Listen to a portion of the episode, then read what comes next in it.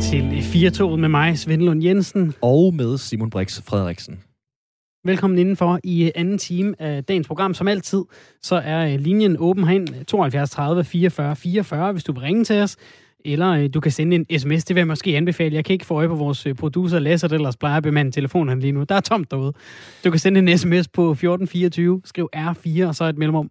Og øh, så din besked. Nu er Lasse tilbage, så kan man også ringe på 72 30 44 44. Jeg kan ved ikke engang, hvad for en ventetone vi har. Hvis vi har en af de der pisse irriterende nogen der, der spiller Fyre Elise der, så kan det godt være, at øh, det er presset. Det er en god public service, du lige fik nævnt, at Ja, øh, han nu er tilbage. Øhm, blandt andet har vi jo opfordret jer til at skrive ind med jeres øh, kritiske spørgsmål til den her vaccinesnak, fordi Mhm. mm-hmm. om 20 minutter, der har vi Morten Elsø med, som er...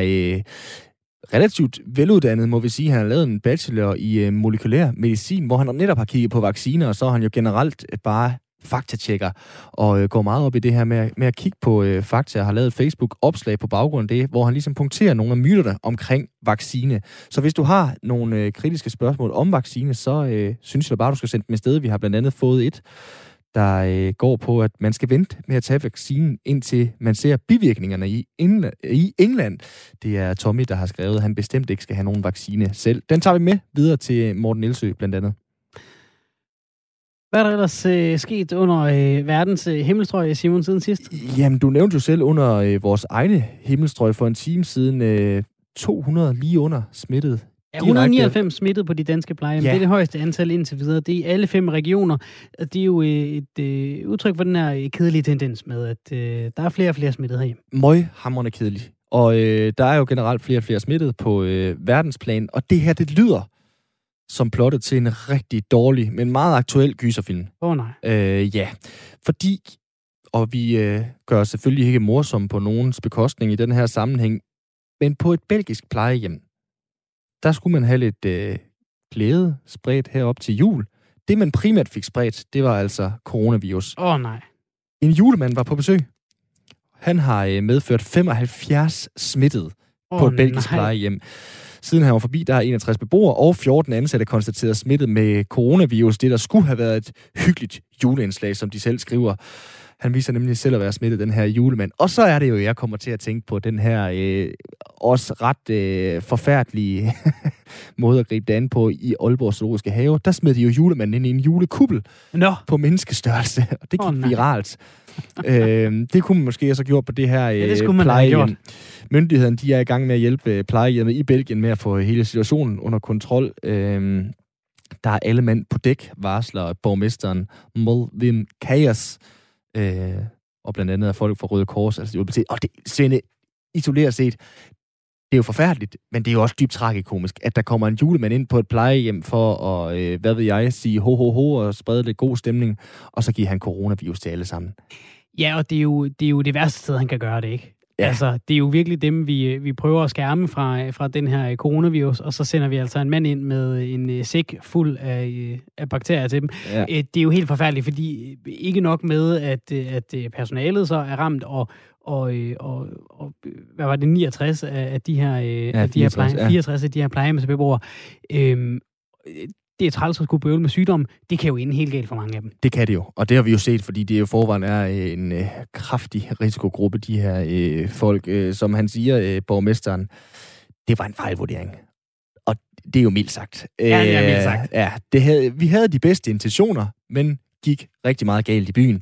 Det har været en sort dag for plejehjemmet. Det er en meget hård mental byrde at bære, både for manden, der var udklædt som julemanden, og for de ansatte. Og det kan man måske også godt forstå, at øh, der ikke bliver sagt ho, ho, ho så meget, men øh, mere duknakket er gået fra det der plejehjem, efter man har fundet ud af, at man har smittet de her 75 mennesker i alt. Au. Ej, bøvl. Ja, det er virkelig bøvlet, ikke også? Altså, I Danmark, der har vi jo et julemandslaug. Jeg ved ikke, øh, om det er et sted, hvor de sidder øh, omkring et rundt bord og så siger, hvordan undgår vi det her, og hvad gør vi, hvis vi, runde, øh, hvis vi nu får spredt noget coronavirus her rundt i det ganske danske land. Øh, der, der skal måske noget psykologhjælp til, til sådan en øh, julemand. Ej, Der er en julemand, der skylder en omgang næste år. Au. En stor omgang. En om, han skylder også en omgang vacciner til det Ja, plejehjem, det, tror ja, jeg. det gør han virkelig. Huha. Nej, det, kan, vi- det, er jo ikke til at, det er jo ikke til at bære. Nej, fordi altså, jeg ved heller ikke, hvad, hvad det næste ord skulle være i det her, øh, Svende. Skal vi ikke bare lade noget. den ligge der, og så øh, sige i hvert fald til det her belgiske plejehjem, men også til alle vores kære lyttere, glædelig jul.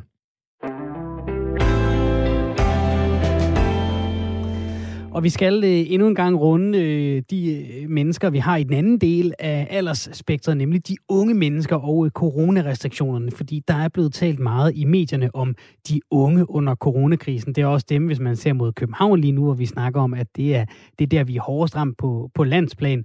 Der er det også øh, de 10-24-årige, hvor, øh, hvor, hvor, de er, hvor det er øh, værst, kan man sige. Og kan det så passe, at de unge ikke kan opføre sig ordentligt? Lad være med at ses og tilsidesætte deres egne behov under en pandemi.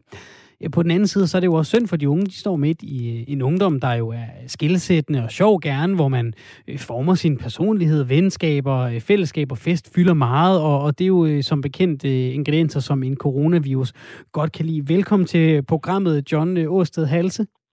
Tak skal du have. Du er psykolog, og i går der har du skrevet en kommentar i Berlingske med overskriften Det er synd for de unge, men de skal ikke ynkes. Hvad mener du, når du skriver det? Ja, man kan sige, øh, titlen rammer det jo meget godt, at det selvfølgelig er synd, at man ikke kan leve livet fuldt ud, når man er 15-20 år eller 25, hvad man nu er. Øh, og sådan er det, fordi vi ved jo, at øh, det der sociale liv er smadret vigtigt. Det er, for, det er det for os alle, men ikke mindst, når man er ung. Så det er, det er rigtig synd. Det, jeg så mener, det er, at øh, når jeg siger, at de ikke skal ynkes, det er, at øh, jeg kunne godt efterlyse nogle flere voksne, der havde en indstilling og en attitude over for de unge, der siger, ja, det er rigtig, rigtig synd, men det er bare ærgerligt, det er sådan, det er. I stedet for møder man en hel masse voksne, der netop siger, det er rigtig synd, og det er forfærdeligt, og øh, dermed kommer man i virkeligheden sådan til, at øh, tror jeg, gør det for de unge også gør det lidt værre, end det er. Altså det er den der med, at kunne vil på godt dansk sige, tage sig sammen og sige, at det er skide ærgerligt, rent ud sagt, men det er der ikke noget at gøre ved, og det har en tid, og så kommer vi igen. Hvordan synes du sådan helt uh, grundlæggende, de her unge mennesker, de har klaret coronakrisen? Uh, er det, har det været bøvlet også, fordi vi måske har ynket dem for meget, som du lidt inde på, John? Ja, det, det, det er jo vel det, der er min, min pointe. Altså, selvfølgelig er der en masse, der har klaret det helt fint og øh, gør stort set, øh, om jeg så må sige, hvad der bliver sagt. Men det, der i hvert fald bliver eksponeret, når medierne har fat i det, det er jo de unge mennesker, der synes, det er forfærdeligt, og at de ikke kan gå ud og øh, viste øh, når som helst, og at man ikke kan komme ud og drikke og få sig en bil brød og sådan nogle ting. Og det, der i virkeligheden er min pointe, det er, jo flere, der, der siger øh, stærkt og tydeligt, at det er enormt synd, og det er forfærdeligt, og det er et ødelagt over deres liv, jo mere kommer man til sådan, man kunne sige, at hælde benzin på det bål, der gør, at de unge rent faktisk synes, at det hele er noget skidt. Og som så også bliver et altså, bål, der gør, at de siger, ah, men så gør jeg det alligevel, fordi det rammer nok ikke mig så hårdt. Altså, er det, er det, er det den tankegang, vi også øh, fordrer? Ja, man kan, man kan, man kan jo sige, at, at det går jo med det, og, og sådan er det. Det går jo med det at være ung og øh, have, ja, som nogen har sagt, ikke? Altså, ungdommen er øh, overmodet over, ikke? Altså, der skal man, der skal man jo tro på, at man, han har sagt, lever evigt, og det ikke rammer os. Øh, og der er det jo, at der er nogle voksne, der er nødt til han har sagt, det, at, at tage fat i dem og sige, men I bliver sgu nødt til at rette ind til højre. Der er ikke noget, der er ikke noget at gøre ved det.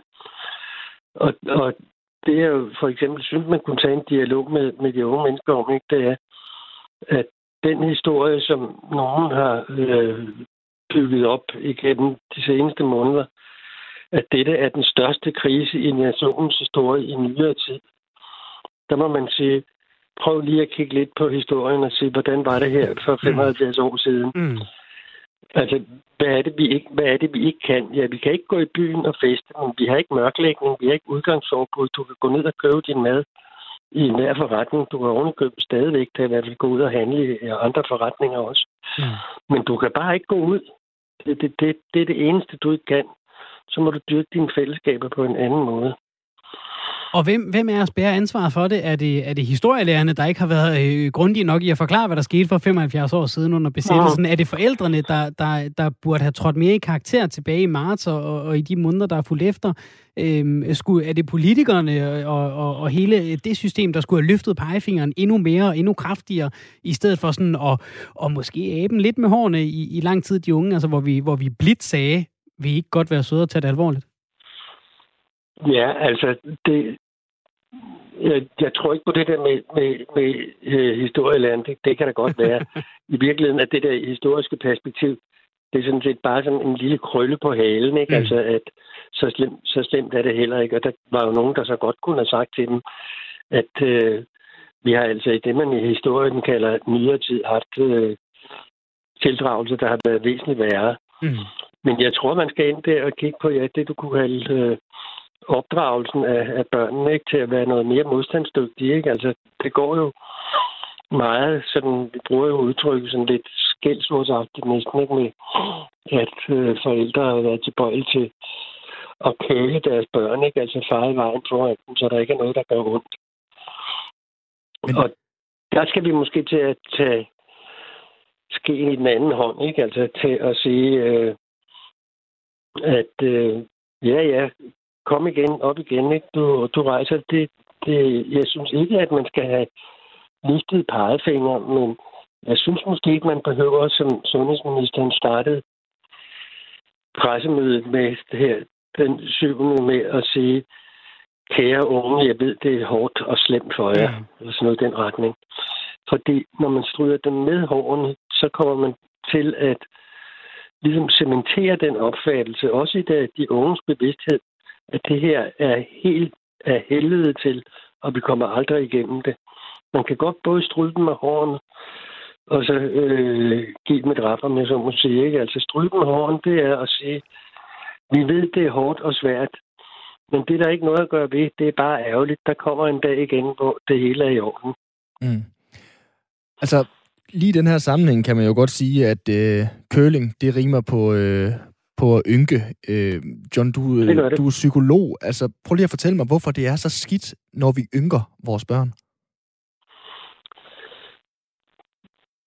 Det er fordi, vi, øh, hvis vi ynker dem og netop udtrykker det her med, at det er meget synd for dig, og hvad er det svært, og hvad er det hårdt, så kommer vi til at give dem noget mindre modstandsdygtighed. Ikke? Så bliver de mindre tilbøjelige til, også når de bliver lidt ældre og bliver unge, så bliver de mindre modstandsdygtige, mindre tilbøjelige til at kunne rejse sig igen efter et tryk.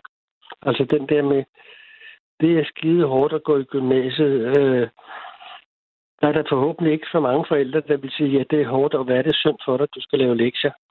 Så vil man vel forhåbentlig sige, ja, det er hårdt for dig, men der er måske forældre, der i stedet for vil sige, ja, jeg skal nok snakke med læreren, så du ikke får så meget for.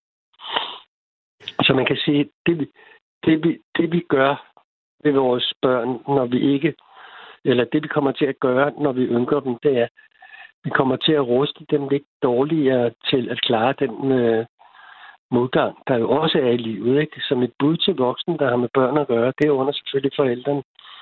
Det er, at man skal lære sine børn, at der også nogle gange er modgang her i livet.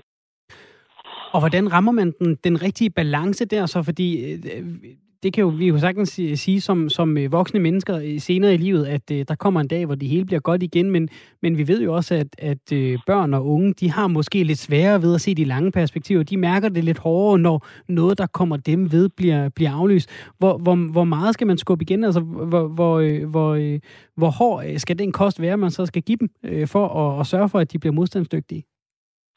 Ja, det er jo, det er jo, det ved du godt, det er jo et spørgsmål, der er umuligt at svare på, fordi jeg kan jo ikke sige, der skal et tryk på så og så mange PSI på, så øh, er det klaret.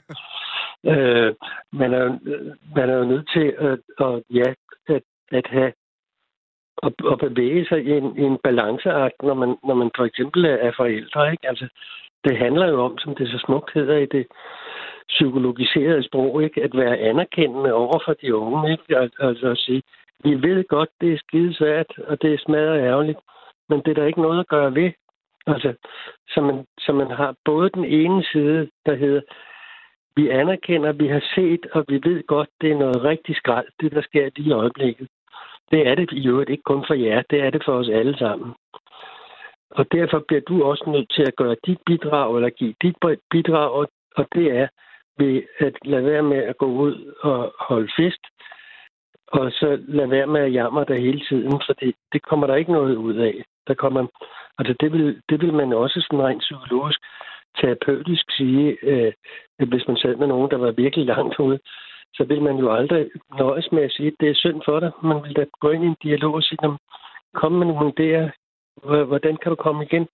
Hvis ikke du kan komme ud og holde fest på fredag, hvad kan du så i stedet for? Så kan du måske invitere dine to bedste venner hjem. Det er det, du kan. Mm. Eller også kan I lave en LAN night og spille spil hele natten, hvis det er det. Det smitter ikke.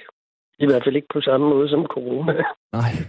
Lad os lige blive lidt ved den her svære balanceakt med, med æg øh, på en ske og spændt ud nærmest mellem øh, de to øh, tvillingetårne, John. Fordi hvem ja. kan vi give ansvar, skulle lige til at sige? Altså, hvor meget ansvar bærer de unge selv for det her med, at vi ikke øh, skal ynge dem, og hvor meget ansvar bærer forældrene? Jamen, det er jo, det er jo forældrene eller hele den voksne generation, der, der bærer ansvaret. Ikke? Fordi, fordi de unge mennesker er jo, er jo formet i, i en eller anden kultur, som ved Gud jo er anderledes, end den var for 50 år siden. Og det kan der mestendels sige, sige en helt masse godt om. Men der, hvor den er tippet over, det er altså der, hvor vi ikke har lært vores børn at rejse sig igen. Øh, og, der, og der må man jo sige, øh, som jeg kan huske for nogle år siden, øh, Anders Mattesen sagde i et af sine shows, nej, du har sgu selv et ansvar for din egen adfærd. Og det må man så også sådan påpege over for børn. Det er dit ansvar. Ikke når det er småbørn, men nu snakker vi om nogen på 15-20 år. Ikke? Du har også et ansvar.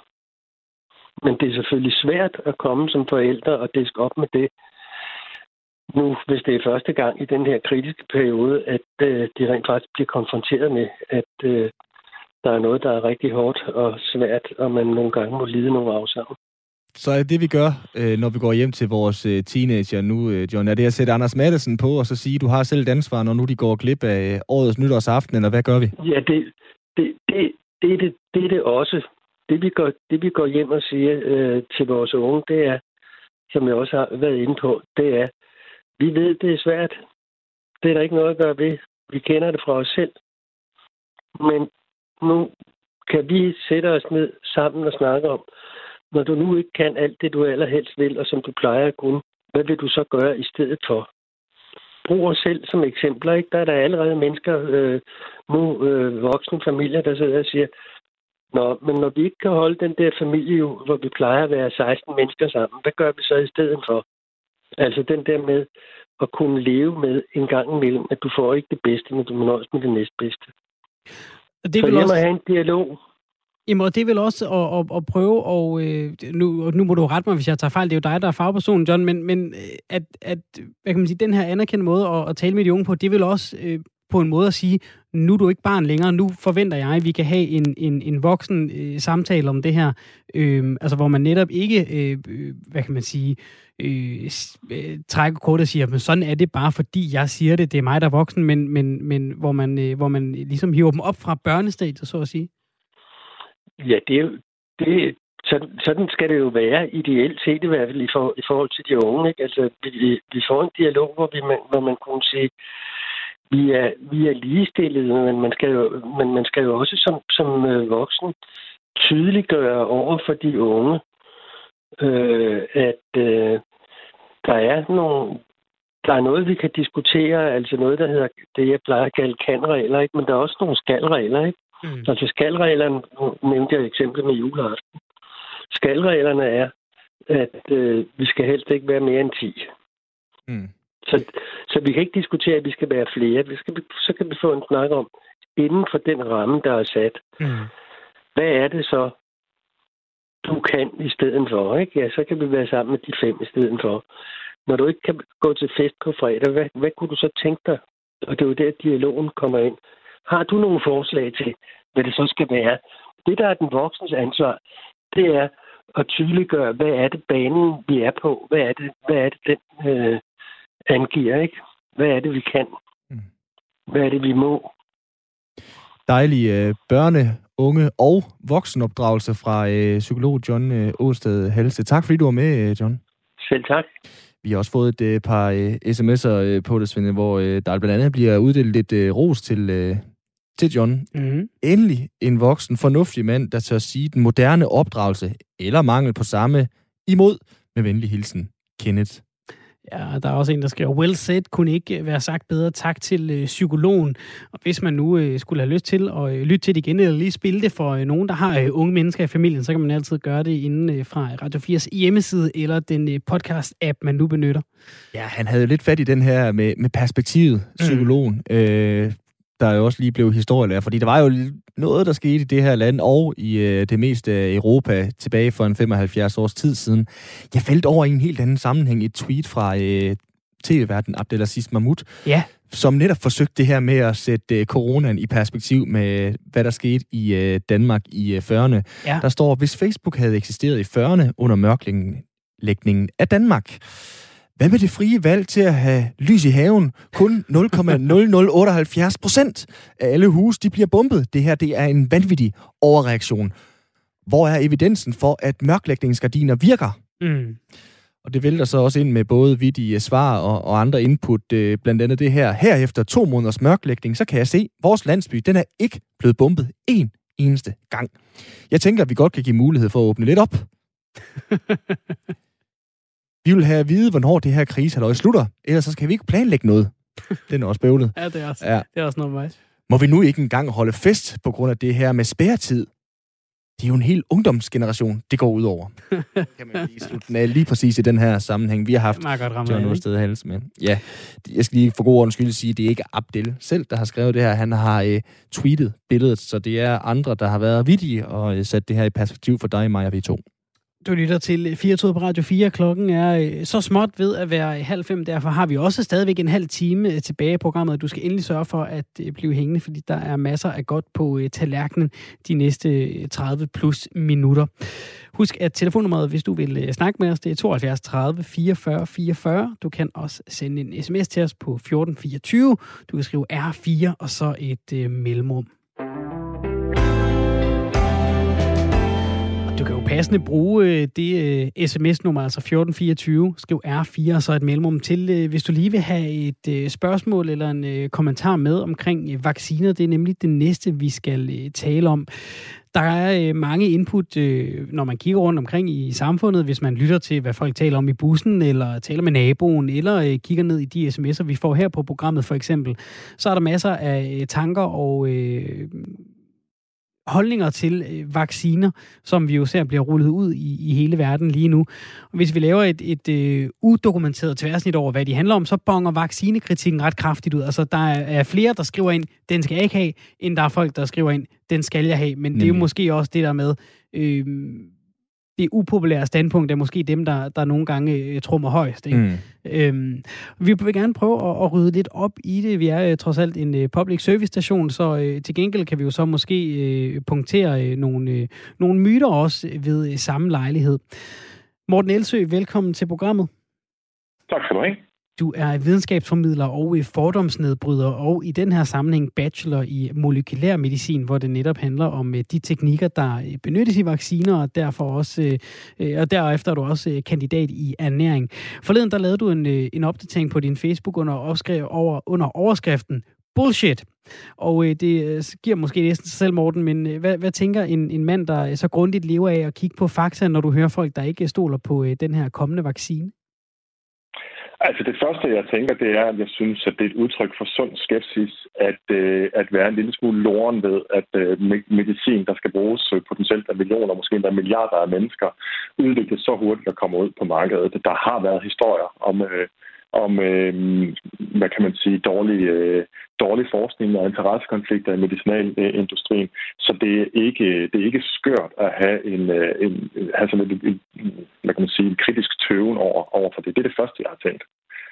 Øhm, det næste er så, at der jo er rigtig, rigtig mange, som kommer med meget store og, meget og helt udokumenterede øh, påstande om øh, vaccinens øh, put- øh, påståede ja, farlighed, som rangerer fra, fra noget, der, der lugter af, at der kunne være noget om det, til noget, der sådan er helt absurd, hvis, hvis, man, hvis man har noget faglighed bag sig og læser det.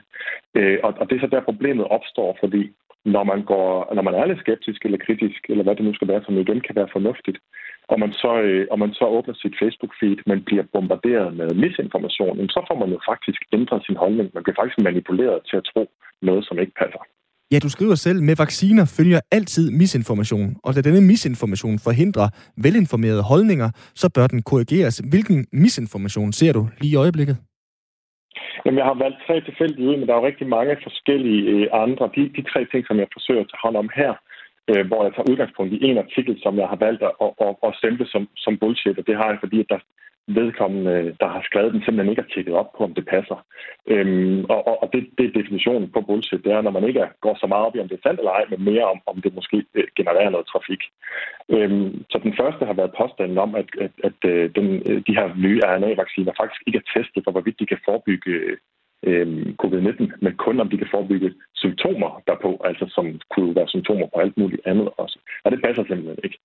Den anden påstand, som jeg har taget hånd om her, er, at øh, der er nogen, der påstår også i øvrigt, at Bill Gates, som selvfølgelig bliver blandet ind i alt, der har med konspirationer at gøre af en eller anden grund, at han og andre skulle have sagt, at RNA-vacciner ændrer vores DNA, altså vores arvemateriale, det som bestemmer øh, alt, hvad der ligesom kommer til udtryk i vores krop og vores liv. Øh, Udover det, som miljøet afgør. Og det passer øh, overhovedet heller ikke, og det kan slet ikke lade sig gøre. Det er også sådan en ting, som jeg stejler over, øh, fordi jeg, jeg har selv lavet forskning i, øh, i i øh, levering af RNA ind i celler for at forsøge at, at påvirke, hvordan de fungerer. Og det kommer altså ikke ind i cellekernen og påvirker vores DNA. Og så den sidste påstand, det er jo, at vaccinen i sig selv øh, har, har slå, allerede har slået mennesker ihjel som, som en form for, for bivirkning. Øh, og det passer heller ikke. Det er jo bare således, at man har, man har fulgt næsten 44.000 mennesker i et forsøg. Øh, og når man gør det i over et halvt år, uanset hvilken gruppe af den størrelse, så vil der være nogen, der dør. Og der er det jo så, man skal sammenholde, er der flere, der dør i den gruppe, der har fået øh, saltvandsindsprøjtning som placebo i det her forsøg, end, øh, eller er der flere, der dør i vaccinegruppen. Og her var der altså faktisk flere, der døde i placebo-gruppen, men så få, så der ikke er nogen øh, statistisk sammenhæng, så man øh, kan med ret øh, meget ro i sindet sige, det har nok ikke noget med hverken vaccine eller placebo at gøre. Men så er der noget i dig, øh, Morten, nu, nu lever du jo, kan man sige, også af at kigge på det her med, med fakta, men er der også noget i dig, hvor du tænker, hvorfor er det, at I uh, tror på det her? Altså, hvorfor, hvorfor er det, at, at den her misinformation, det er noget, som der er nogle mennesker, der dyrker? Orker du virkelig at forholde dig til det hele tiden? Øhm, det er øh, klart en taxerende proces at forholde sig til lige præcis det, som du beskriver, men jeg mener også, at det er min pligt ikke kun at forholde mig til, hvad der er sandt og falsk, men også at forholde mig til, hvad det er, der gør, at øh, mennesker kan, øh, kan øh, fås til at tro på ting, som, øh, som, som andre mennesker måske kan synes er absurd, altså andre mennesker med større faglighed på området. Det er bare ekstremt vigtigt, at jeg og andre øh, formidler på det område aldrig kommer til at øh, være håndende eller tale ned til øh, mennesker, som, som ikke ved det, ved det, som vi andre ved, ligesom jeg jo heller ikke øh, forventer at blive mødt af, af hånd, når jeg går til mekanikeren og får, får hjælp til at få fikset min bil. Øhm, så, så, så vi har altså rent kommunikativt, er det, er det nødvendigt at tænke over, hvordan, hvordan kommunikerer vi det her, uden at det bliver sådan noget, jamen vi ved noget, og du ved intet, fordi jeg ved intet på rigtig mange andre områder. Men det er også vigtigt at forstå, hvad er det, der driver mennesker til at tro på det. Noget af det kan være, jeg kan man sige, helt almindelige mennesker, der naturligvis ikke har fagligheden til at vurdere, hvordan en vaccine virker. Det er klart, at det er noget, man skal have en længere videregående uddannelse typisk for at forstå og som bare er kritiske skeptiske. Øhm, men så er der bare rigtig meget den kritik, eller kritisk øh, holdning over for deres skepsis, som i virkeligheden er affødt direkte af misinformation fra mennesker, der mere eller mindre bevidst er i gang med at manipulere en til at have en bestemt holdning. Og det sker rigtig meget på sociale medier nu, men, men, øh, men har tidligere fungeret og, og, og sket alle mulige andre steder. Der er en af de store drivkræfter i øjeblikket, er, at der er nogen, der har et meget konspiratorisk verdenssyn. Det er sådan en kæmpe bias, hvor man kun har et kriterie for, hvorvidt man tror på noget eller ej, og det er, hvorvidt at det strider imod officielle forklaringer. Mm. Og det vil sige, at man kan faktisk have en masse ting, man tror på, som er modstridende. Altså man kan både tro på, at virusen ikke eksisterer, og tro på, at den er blevet, øh, hvad hedder det, blevet skabt i et laboratorium et eller andet sted, hvilket er to modstridende holdninger. Og det er fordi, man ikke har noget reelt øh, sandhedskriterie længere andet, end at det skal stride mod den officielle forklaring. Og der bliver der sprøjtet øh, forskellige øh, misinformerende øh, myter og påstande ud. Og øh, en af grundene til, at flere mennesker end kun dem, der har det verdenssyn, tror på det, det er, at vores kritiske filter har det med at lukke ned, når der kommer noget, der, øh, der appellerer til øh, frygt og til forarvelse. Jamen, så er vi lige pludselig hele vores krop er øh, i, i, i sådan en modus, hvor vi har lyst til at handle og agere på det, vi lige har læst. Øh, hvilket er rigtig dårligt, for så er det, at vi deler noget, uden at have faktatjekket det. Hvor, øhm, og, hvor stort et problem er det, Morten? Altså, hvor stort et problem eller udfordring? Det er ikke altid så populært at sige problem mere, men hvor stor en udfordring er, er det her, når vi, når vi kigger på, at vi skal have en vaccine mod en pandemi, som øh, ja. gerne skal hjælpe 5 millioner danskere. Ja, ultimativt, så er det jo flere milliarder på verdensplan. Hvor, hvor stort et problem er så den her øh, deling, ukritiske deling? Jamen, det er, et rigtig stort problem. Jeg vil sige, at Danmark har vi et stort tillid stadigvæk til myndigheder og til fagpersoner. Øh, så langt de fleste danskere øh, har jo, øh, er, er ikke blevet manipuleret til at tro på den her mængde af misinformation. I andre lande kan man se, at, at der er andre, der, der har en større modstand mod det. Det kan være drevet af andre ting, men altså også drevet af misinformation. Og så kan man altså også se en sammenhæng mellem, i hvor høj grad folk de ikke gider at følge, øh, ikke stoler på myndighederne, og dermed også ikke gider at følge restriktionerne, og så også for stor spredningen af, af virus, altså hvor dårligt man simpelthen håndterer det. Der er en direkte sammenhæng mellem tillid til myndighederne, og, øh, og hvor godt man håndterer øh, sådan en pandemi. Så det har potentielt rigtig, rigtig store konsekvenser. Det har det jo haft mange gange før, og den her vaccinemodstand, den har jo de fuldstændig øh, øh meget klokkeklare og nemme at forudse øh, konsekvenser. For eksempel har vaccinemodstanden mod MMR-vaccinen i går, der pludselig er mest udbrud igen, selvom den næsten var udryddet den, den sygdom. Så det, øhm, om vi har set det tidligere med HPV-vaccination, hvor øh, tilliden dertil faldt, og så er der jo altså også nogen, der kommer til at få øh, livmoderhalskræft og dø af det på baggrund af det. Så det har jo øh, det er meget, meget nemt at se konsekvenserne, og de kan så være ret store her på verdensplan. Jeg vil sige, i Danmark, der tænker jeg nok, at nok mennesker øh, vil vaccinere sig til, at det, det, det kommer til at gøre en kæmpe forskel. Hvis vi lige prøver at tage et øh, par skridt ned af konfliktstigen fra øh, vaccinemodstand til øh, øh, måske skepsis og måske endda bare spørgsmål og undren, så har vi fået et par sms'er, Morten, som jeg godt lige vil øh, løbe forbi dig. Øh, der er en, der skriver her, øh, hvordan kan den nye vaccine gå sammen med antidepressiver? Det har jeg ikke hørt noget om. Det er Charlotte, der skriver det. Og Pernille skriver også, hun spiser fire forskellige piller mod angst, depression med mere. Hvordan ved hun, hun ikke får sære bivirkninger, hvis vaccinen reagerer sært med de mange piller? Ja, og, og der her er der så det problem, at de skal jo så ikke spørge mig om det. Og vi skal være rigtig, rigtig meget bedre til at spørge de rigtige mennesker om de rigtige ting. Ja. Øhm, det vil også være et spørgsmål, folk kunne finde på at stille på Facebook eller i lukkede Facebook-grupper, hvor folk har forskellige holdninger til forskellige typer medicin. Og det er bare en ekstremt dårlig idé. Så det er at gå til sin læge, for eksempel? Det man går, man går til sin læge, og når det er angst og, og, og, og øh, depressionstænkende medicin, så har man sandsynligvis også en psykiater, og så taler man med dem om det. Der er et helt felt, der handler om, hvordan mediciner interagerer. Jeg kan ikke forestille mig, at en RNA-vaccine på nogen måde skulle interagere med de, øh, med de ting, for den, den fungerer på en helt anden måde, end, end det typiske mediciner, det beskriver. Men det er ikke mig, man skal spørge om det. Man skal spørge sin læge. Men kan du forstå, at der er nogen, der sidder med, med de spørgsmål? Altså, fordi det vi, jo, det, vi jo meget snakker om med den her vaccine, er, at, at den, er, at den er blevet øh, fundet frem til og testet meget hurtigere end, end de mm. andre vacciner, vi ellers går og, og har. Så altså, mm. hvis man sidder i nogle af de der ydergrupper, hvor man har en eller anden øh, kondition, eller noget medicin, eller et eller andet, at man, at man godt kan sidde og føle, uh, jeg er da ikke sikker på, at det er for mig endnu klart. Men, det, men, men de får så ikke lov til selv at bestemme, fordi det er jo sådan, at vi får jo ikke alle vaccinerne i starten, så der kommer et udrundningsprogram.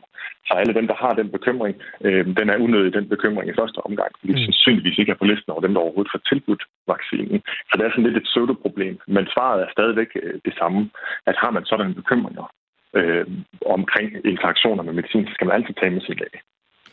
Så lad os lige prøve en enkelt øh, mere, øh, Morten, og så se, øh, om den øh, bliver sendt videre til, til andre fagpersoner. Vi har Tommy, der har skrevet ind, at øh, man skal vente med at tage den her vaccine, indtil vi ser øh, bivirkningerne i England, hvor den jo er øh, ved at blive rullet ud lige nu. Han skal bestemt ikke selv have nogen øh, vaccine.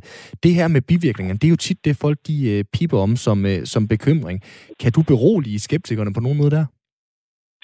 Jeg kan berolige skeptikere, men jeg kan ikke berolige folk, som har besluttet sig for, hvad de forvejen mener. Og der er man ikke skeptiker længere, fordi mm. ensidig kritisk tænkning er i virkeligheden det samme som blot at være styret af sin bias.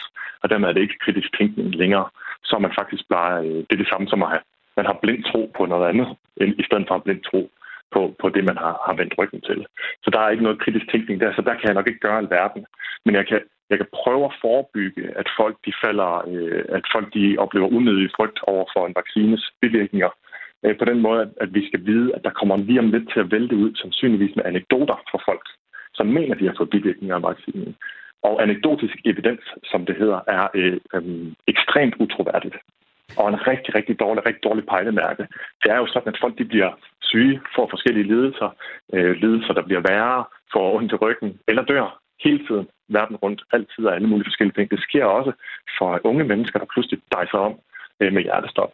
Og det betyder, at når man nu vaccinerer millioner af mennesker, så vil der være sammenfald mellem ting, som sker hele tiden og normalvis, og så at man har fået vaccinen. De sammenfald fortæller intet om, at vaccinen har gjort noget. Det er, det er nødt til at vente på, øh, at de studier, som holder øje, ordentligt øje, og sammenligner med baggrundsbefolkningen, altså hvad der sker normalt, hvor mange der dør, hvor mange der får forskellige sygdomme, som rent faktisk kan etablere, om der er nogen sammenhæng der. Så det, det jeg hellere vil sige, det er, at man skal absolut ikke tro på, når der kommer nogen ud og fortæller, jeg fik vaccinen, og så dagen efter fik jeg hovedpine og begyndte at kaste op. Mm. De to ting behøver absolut ikke have noget med hinanden at gøre. Så det er lidt sådan en HPV-parabel, ikke? Hvor, hvor, hvor der var nogle, mm. nogle piger, der fik nogle symptomer, og, og så havde vi i lang tid en opfattelse af, eller i hvert fald visse steder, når man sagde HPV-vaccine, så var det en omdiskuteret, kontroversiel vaccine, og så kommer der ja, det var det ikke lang, lang tid på bagkant efter at finde ud af, det, der er, den er fuldstændig sikker. Altså, det, den er fin. Ja. Øhm, men, men, men så, er det, så er det ligesom det billede, der består, at uh, ja, den skal jeg bare, den skal jeg ikke i nærheden af. Og det bliver vi nødt til nemlig at forebygge den her gang, for problemet er, at der er noget, at der er nok mennesker, der har investeret nok af deres identitet i kampen mod HPV-vaccination. Mm. Så de, de vil fuldstændig fastholde, at de, de effekter, de har set øh, Øh, hos sig selv eller hos deres børn, at de har med HPV-vaccination at gøre. På trods af, at det eneste, der var, som skulle pege på det, det er et tidsmæssigt sammenfald. Og når mange mennesker bliver vaccineret, så vil der være tidsmæssige sammenfald til højre og venstre. Og, og, og det kan vi altså simpelthen bare ikke bruge som evidens. Vi ved, at vi kan opleve alle mulige ting, og om der er kommet en vaccine før eller, eller ej, det, det gør ikke nødvendigvis nogen forskel. Det kan vi først se, når vi laver reelle videnskabelige studier, hvor vi frasorterer vores egne forudindtagede holdninger til fordel for at finde objektive fakta. Vores snak med dig, Morten Else, begynder øh, med et Facebook-opslag, hvor øh, det første ord er bullshit. Du får lige en sms mere. Der, jeg tænker, der er, der er et tag selvbord at tage fat i her, hvis, hvis du nu vil kalde et eller andet i forhold til, til hvad der er i en vaccine. Øh, Gits skriver, Hejsa, jeg vil ikke have vaccinen. Jeg undrer mig meget over det der, at der er aluminium, kviksøl, væv fra aborter og lignende i vacciner. Hvad, hvad kan du sige til sådan en sms? Jamen, øh, det kan sagtens være, at der er noget øh, aluminium i, som man bruger som adjuvans i vacciner, men, der har, men alt det andet, øh, det passer ikke. Og det, der skulle være væv fra, fra fostre, det, altså, det er jo den måde, som de konspirationsteorier tit øh, bliver bakket op af, at man finder noget data et sted fra, og så øh, forvansker man det og laver det om. Øh, og så det fremstår meget mere farligt. Der har aldrig været væv fra fostre i vacciner, men det, det er en meget udbredt konspirationsteori, eller i hvert fald øh, fragment af en konspirationsteori. Så det, så det er absolut bullshit. Du skal have tusind tak øh, for at være med her, øh, Morten Elsø, for øh, både at kalde bullshit, men også lige trække luft ind og forklare noget lidt mere til bundsgående. Det var en fornøjelse at tale med dig. Jamen selv tak. Og øh, det var altså en, øh, en snak om øh, vacciner og øh, den øh, ja, både skeptisk mod dem, undrende spørgsmål, og så en, en tro på, at, mm. øh, at øh, det, er noget, det er noget skidt, og, øh, og hvad der ligesom findes i det spændingsfelt. Ja, det er sjovt, ikke også, fordi at Morten Nielse er jo typisk en, der har været fremme i forhold til snakken om øh, fedme og overvægt, og hvordan vi ligesom er blevet notchet til hele tiden og øh, tro, at vi skal købe noget ekstra i supermarkedet og så videre, fordi han jo netop er sundhedsformidler. Men lige præcis det her med vaccine, det er noget, han også har kigget på i sit øh, bachelorprojekt, hvor han øh, har en bachelor i molekylær øh, medicin. Så øh, han, han skulle gerne vide noget om det her, og har altså også lige faktatjekket det hele. Svend, vi må jo også være ærlige at sige, meget af det her om man er på den ene eller den anden side, det handler også om noget så godt gammeldags som stedighed. Jeg har valgt, jeg stoler ikke på den her vaccine. Jeg har valgt, jeg stoler på den her vaccine. Nu holder jeg fast i det. Øhm, ja, ja, ja, det kan godt være. Er det, er, det ikke, er det ikke det, det handler om? Hvorfor er det ikke det? Ja, ja, ja, ja fordi jeg tænker, stedighed, det er, også, det er jo også øh, på et eller andet tidspunkt, hvor en pro går op for en, og hvor man siger, åh, jeg kan godt se, at jeg var gal på den, men jeg holder fast. Mm der ved jeg ikke helt, om man, om man når hen med, med, med den der hårde kerne, der står nede på øh, Christiansborg Slottsplads i øh, ting, der er strikket og øh, med ting, der larmer. Er det ikke øh, stedighed i sin essens, at øh, selvom de bliver præsenteret for fakta, så er de så stedige, at de ikke øh, lytter til dem? Jo, det kan da godt være, men hvis man ikke anerkender fakta, så er man vel heller ikke øh, stedig, så er man jo bare øh, af en anden overbevisning, mm. kan man sige. Ja. Yeah. I hvert fald så øh, kan vi jo krydse fingre for, at, øh, hvad kan man sige, at vi, at vi på en eller anden måde kan, kan blive ved med at, øh, at samles og, og tale om det her, uden at, øh, uden at øh, få alt for lang afstand imellem os, uanset hvad man nu øh, måtte, måtte mene om det. Det, mm. det er fint at, at, at prøve at tage snakken, som Morten Elsø siger. Han øh, fortæller noget, øh, som han ved noget om, han forventer at blive mere respektfuld, ligesom han øh, møder ja. en mekaniker respektfuld. Så, så øh, det kan jo være, mm. være noget af det, der i hvert fald øh, skal blive hængende som en tone i luften her. Og den anden vej rundt, at mekanikeren heller ikke skal håne hverken mig eller Morten Elsø for ikke at vide noget om øh, karburatorer og så videre. Præcis. Vi kan sige, apropos noget med afstand, du lige nævnte, Svende, at afstanden til, hvornår den her øh, vaccine den kan blive hastegodkendt i EU, den øh, rykker sig en lille smule. Det skulle have været den 29. december. Nu øh, kigger man på at få det gjort inden jul den 21. december.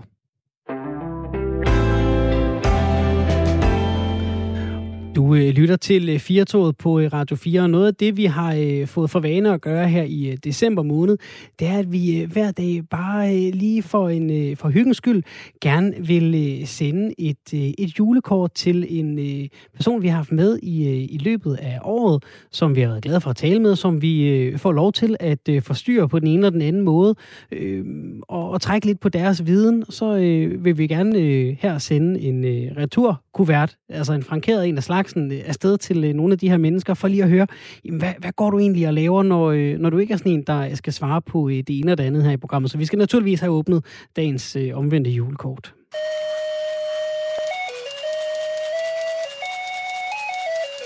Og så lukker vi det hurtigt igen, fordi det er lidt en, en ubehagelig melodi, vi får spillet der. Velkommen til dig, Kisa Paludan. Tak. Du er øh, psykolog og en, vi øh, ofte øh, ringer til her i øh, programmet, og det er jo altid en fornøjelse. Kisser, må vi høre, øh, hvad, øh, hvordan har året været for dig, hvis vi sådan skal tage det fra, fra 1. januar frem til nu, sådan set som en helhed? Jamen, jeg synes alt i alt, det har været et rigtig, rigtig godt år. Det har også været et eftertænksomt år, og et, også et, på mange måder et sårbart år. Jeg har privat haft en god veninde, som har fået en alvorlig kræftdiagnose og været til to begravelser, så det sætter jo også en livet i perspektiv, men jeg synes, at det har været et rigtig godt år. Og hvordan øh, kan du mærke, at det har sat livet i, i perspektiv? Fordi når man som dig jo lever af at sætte tingene i perspektiv, kan vi jo godt til os at sige som psykolog. Hvordan, hvordan jo. bliver det så sat i perspektiv, når man selv oplever det? Jamen, det er jo, tænker jeg, virkelig sådan en reminder på, hvor, øh, hvor øh, fuldt ud øh, tillader jeg og alle, os alle vi, os, vi alle sammen, øh, os at leve livet. Fordi både livet og kærlighed kommer jo uden garantier, og nogle gange så, så lever vi det ikke fuldt ud, eller vi hæmmer eller dæmper lidt ligesom vores fulde livskraft og livsglæde og kærlighed. Måske fordi vi godt ved, at det, det kommer uden garantier. Så jeg tænker, at det altid kan være sådan en fin reminder på at give os selv lov til at leve fuldt ud og, og virkelig elske med hele hjertet. Kan du mærke, at coronaen også har sat perspektiv på, øh, på tingene? Fordi det tænker jeg, det er jo også noget af det, vi har øh, forholdt dig til i løbet af året, og som du sikkert det også mm-hmm. er blevet forholdt til i alle mulige andre sammenhænge. Det her med, øh, ja nu havde vi jo en anden psykolog med tidligere, som øh, sagde, at vi ikke skal ynke de unge, men vi øh, må godt synes, det er synd for dem. Altså, kan du mærke, mm-hmm. at mhm. coronaen har sat perspektiv også? Ja, altså det, det synes jeg helt sikkert, det har. Jeg tror, corona har øh, hjulpet os med at sætte tempoet ned. Det har også hjulpet mange af os til at sætte i perspektiv i forhold til, hvad er egentlig vigtigt. Hvad er det for nogle livsværdier, vi i virkeligheden har? Og efterlever vi dem? Jeg tror, rigtig mange mennesker er faktisk ikke engang helt bevidste om deres livsværdier. Og jeg tror, corona har ligesom hjulpet os med at sætte det i perspektiv. Samtidig med, jeg tror, at vi er i gang med sådan en kæmpe stor bevidsthedsrevolution, som sætter alt det under lup, som, som trænger til at komme op i overfladen og, og blive healet som sexisme, racisme og alle de ting, der ligesom har været oppe i det forgangne år. Ja, der har været nok at øh, tage fat på, øh, gætter på, som psykolog i løbet af sådan et år som, øh, som 2020. Hvad så, når du, mm. øh, når du lægger blokken og, øh, og ikke skal øh, prøve at grave øh, ud i, i det inderste på, øh, på øh, dine klienter eller tale med nogen som os? Hvad kan du ellers godt lide at få tiden til at gå med?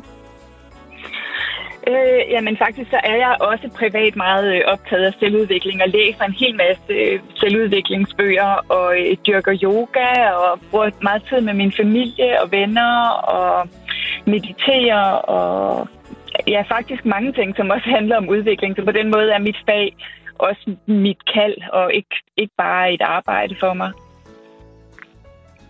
Jeg kan ikke lade være med at tænke lige præcis i den her sammenhæng, når man netop arbejder med det til dagligt, men øh, jo på en eller anden måde jo også øh, selv dyrker det til dagligt. Altså, kan, mm. hvordan skiller man øh, skidt fra øh, kanel? Hvordan øh, giver man øh, selvhjælp til sig selv, når man samtidig også arbejder med det professionelle over for andre? Altså lidt den der klassiker der med, at øh, skolelærerens børn eller pædagogens børn er nogle gange også dem, der er mest uopdragende. ja, altså det er virkelig øh, et opmærksomhedspunkt for mig at sørge for også at fylde mig selv op og give mig selv noget af det, jeg også giver ud af. Og hvis jeg ikke ligesom havde det som et opmærksomhedspunkt, så var det noget, der godt kunne glide lidt ud. Men, men alt sådan noget som meditation og tid i naturen og tid med mennesker, jeg elsker, og yoga, og jeg har mange sådan nogle, øh, sådan nogle små ritualer, som ligesom er sådan nogle selvomsorgsritualer. Øh, så jeg er meget opmærksom på, at hvis jeg ikke fylder mig selv op, så, øh, så har jeg heller ikke det samme at give ud af. Så det, det prøver jeg virkelig at være opmærksom på. Det lyder som noget, jeg godt kunne bruge mere i se, altså selv, selvomsorgsritualer. Hvad kunne sådan et være, for eksempel? Mm. Det kunne jeg for eksempel være om morgenen, når jeg vågner, så det første, jeg gør, øh, udover at lave en kop te eller, eller kaffe, er at sætte mig i sofaen og øh, lytte til en spirituel tekst, som jeg er meget glad for. Så trækker jeg et kort, som er sådan et øh, slags orakelkort. Det kan være nogle forskellige typer. Og jeg mediterer øh, og trækker vejret og skriver. Så tuner jeg ind og øh, prøver at lade mig guide indenfra og skriver, hvad der så kommer op til mig. Så jeg ligesom bruger tid på at øh, forbinde mig med mig selv og være nærværende med mig selv og, og øh, ja, følge med i mit liv. Og det kræver jo nogle gange, at vi sætter tempoet ned og tuner ind og kommer til stede med os selv. Så det, så det kunne være et, et, øh, et eksempel på sådan et ejendomsovsritual.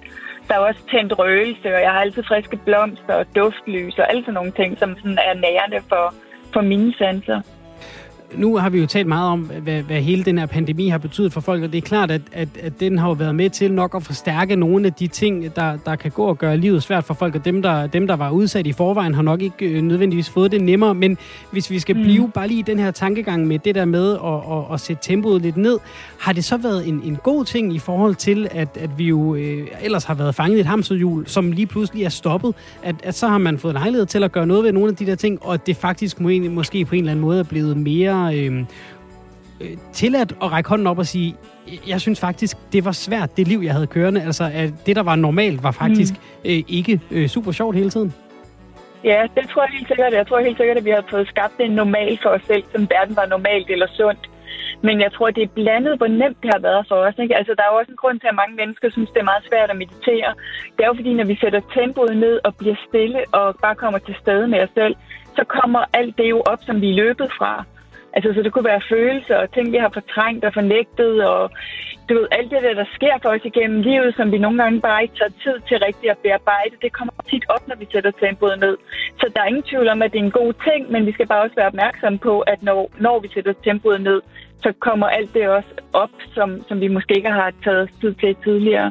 Ja, nu ved jeg sgu ikke, om du sender en øh, regning til mig, øh, fordi du nu får åbent mikrofonen, øh, kan rådgive mig, øh, Kisa, men, men hvordan kommer sådan en øh, stivnakke, skulle jeg lige til at sige, nordjyd i gang med at meditere, fordi jeg gerne vil det? Altså, det er sådan nogle mm. ting der, jeg tror, der er mange, der, der kæmper med øh, lige øh, i øjeblikket. Hvordan kommer man i gang med den der øh, spirituelle, afslappende ja, tilgang praktisk. til tingene? Ja, altså øh, der er jo rigtig mange gode øh, meditationsapps, og det kan jeg i hvert fald anbefale, at man starter med at lytte til nogen, som man er guidet, for det kan være svært ellers. Og så det, der virkelig virkede for mig, det var, at det gik op for mig, at hvis jeg ikke gjorde det, så var jeg styret af min egen underbevidsthed og mit eget ego, som jo sagde, det behøvede jeg ikke at gøre. Og det vil jeg ikke være styret af. Jeg vil være styret af min sjæl noget dybere ind i mig. Så jeg kunne mærke, at hvis jeg ikke gjorde det, bare fordi mit ego sagde, det behøver du ikke, og det passer slet ikke til dig, så var jeg slave af mit ego, og det havde jeg ikke lyst til at være. Det virkede i hvert fald for mig, at tænke sådan. Mm.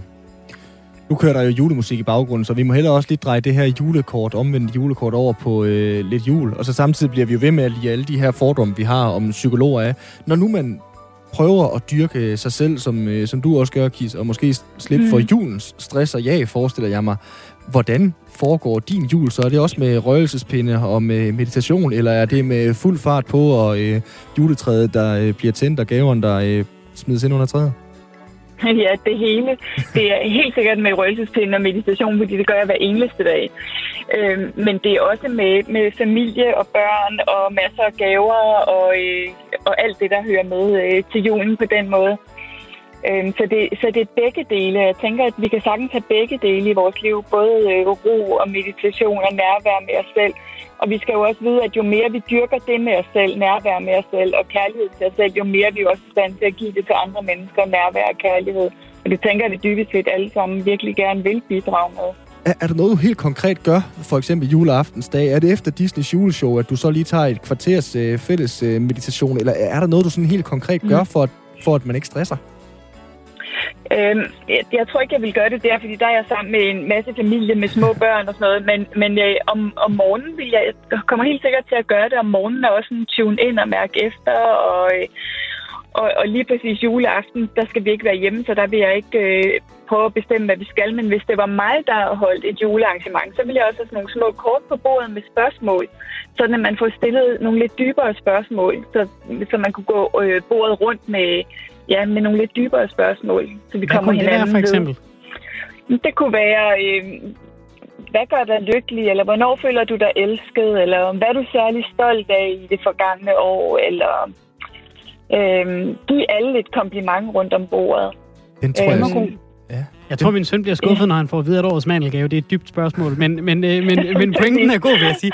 Ej, og, og det er jo fint lige at få taget fat på nogle af de her ting, fordi ellers så kan det meget gå med, hvad, hvad, skete der egentlig med bageren dernede? Den er der lukket, og, og så kommer man måske ikke rigtig så meget præcis. videre.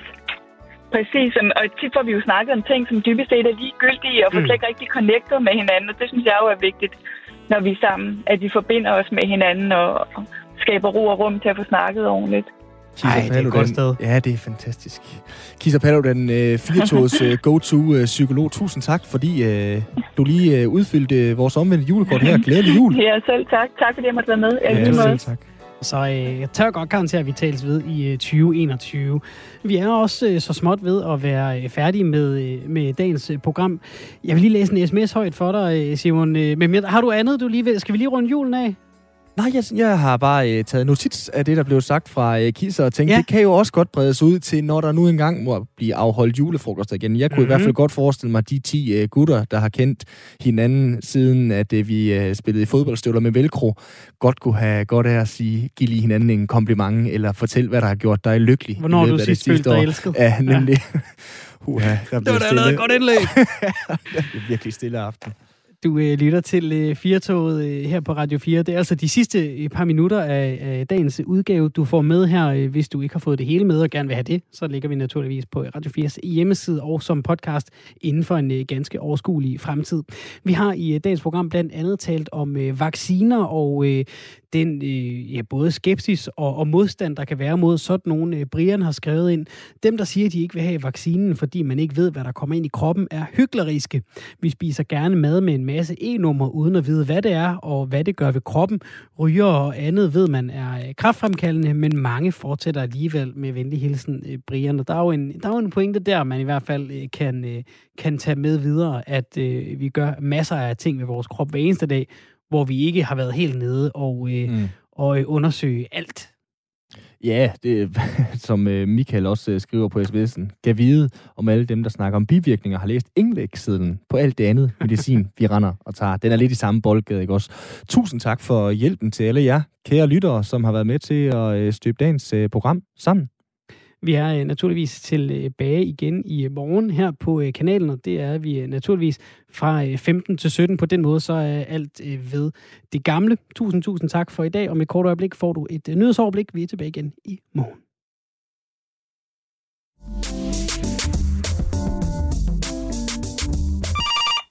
Radio 4 Lytterservice, du taler med Esben.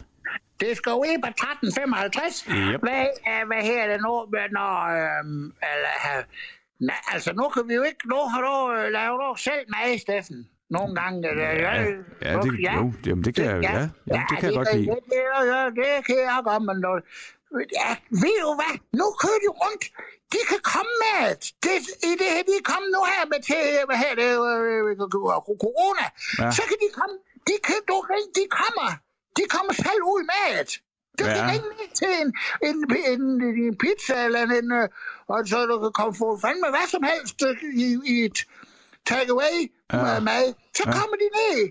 Jeg Jo. har tænkt og set ned, jeg synes, det er jo fjollet skoletaske, der de er jo begyndt. Har du ikke set de skoletasker, når de kører rundt, så tænkte hvad fanden, de, de, de er sat an med ikke en taske, de blå nogen. Det kan de med, det var øh, kølet. Jeg læser ikke til køletasker, men det kører de rundt, det er dem, jeg kører rundt med mig. Ja, De kan komme ud. Ding dong. Goddag. Så er det mig. Så kommer det op ad trappen. Hvis du bor på trapper. ja, Eller lige til døren. Ja. Take away mig, Steffen. ja. Dem skal du, det er restauranterne kan ikke have folk nu. De kan, kan få, du kan køle mad ud i gamle. Før var det kun pensionister, der fik sådan noget dårlig mad i, nogle, i sådan nogle blik. Bøtter, Ja. ja. du ved, Ja, med fra, ja. kom med. øh. Nu kan du få ja. Steffen, Ja. det skal du prøve. Jo, men det vil jeg Så er prøve nummer så. 17 med chili og hvidløg på. Det Ja. står jeg ved. Jeg, jeg kan ikke lide hvidløg, men det Det er ikke nødvendigt at sige til dem. Nej. Godt, Steffen. Prøv Jamen, det takeaway. Yes. Det er satme smart. Det er satme smart, det er. Jo, Det det er er fandme smart. Jamen, Nå, ja. nu ringer på døren. Jeg skal have dessert. Vi ses.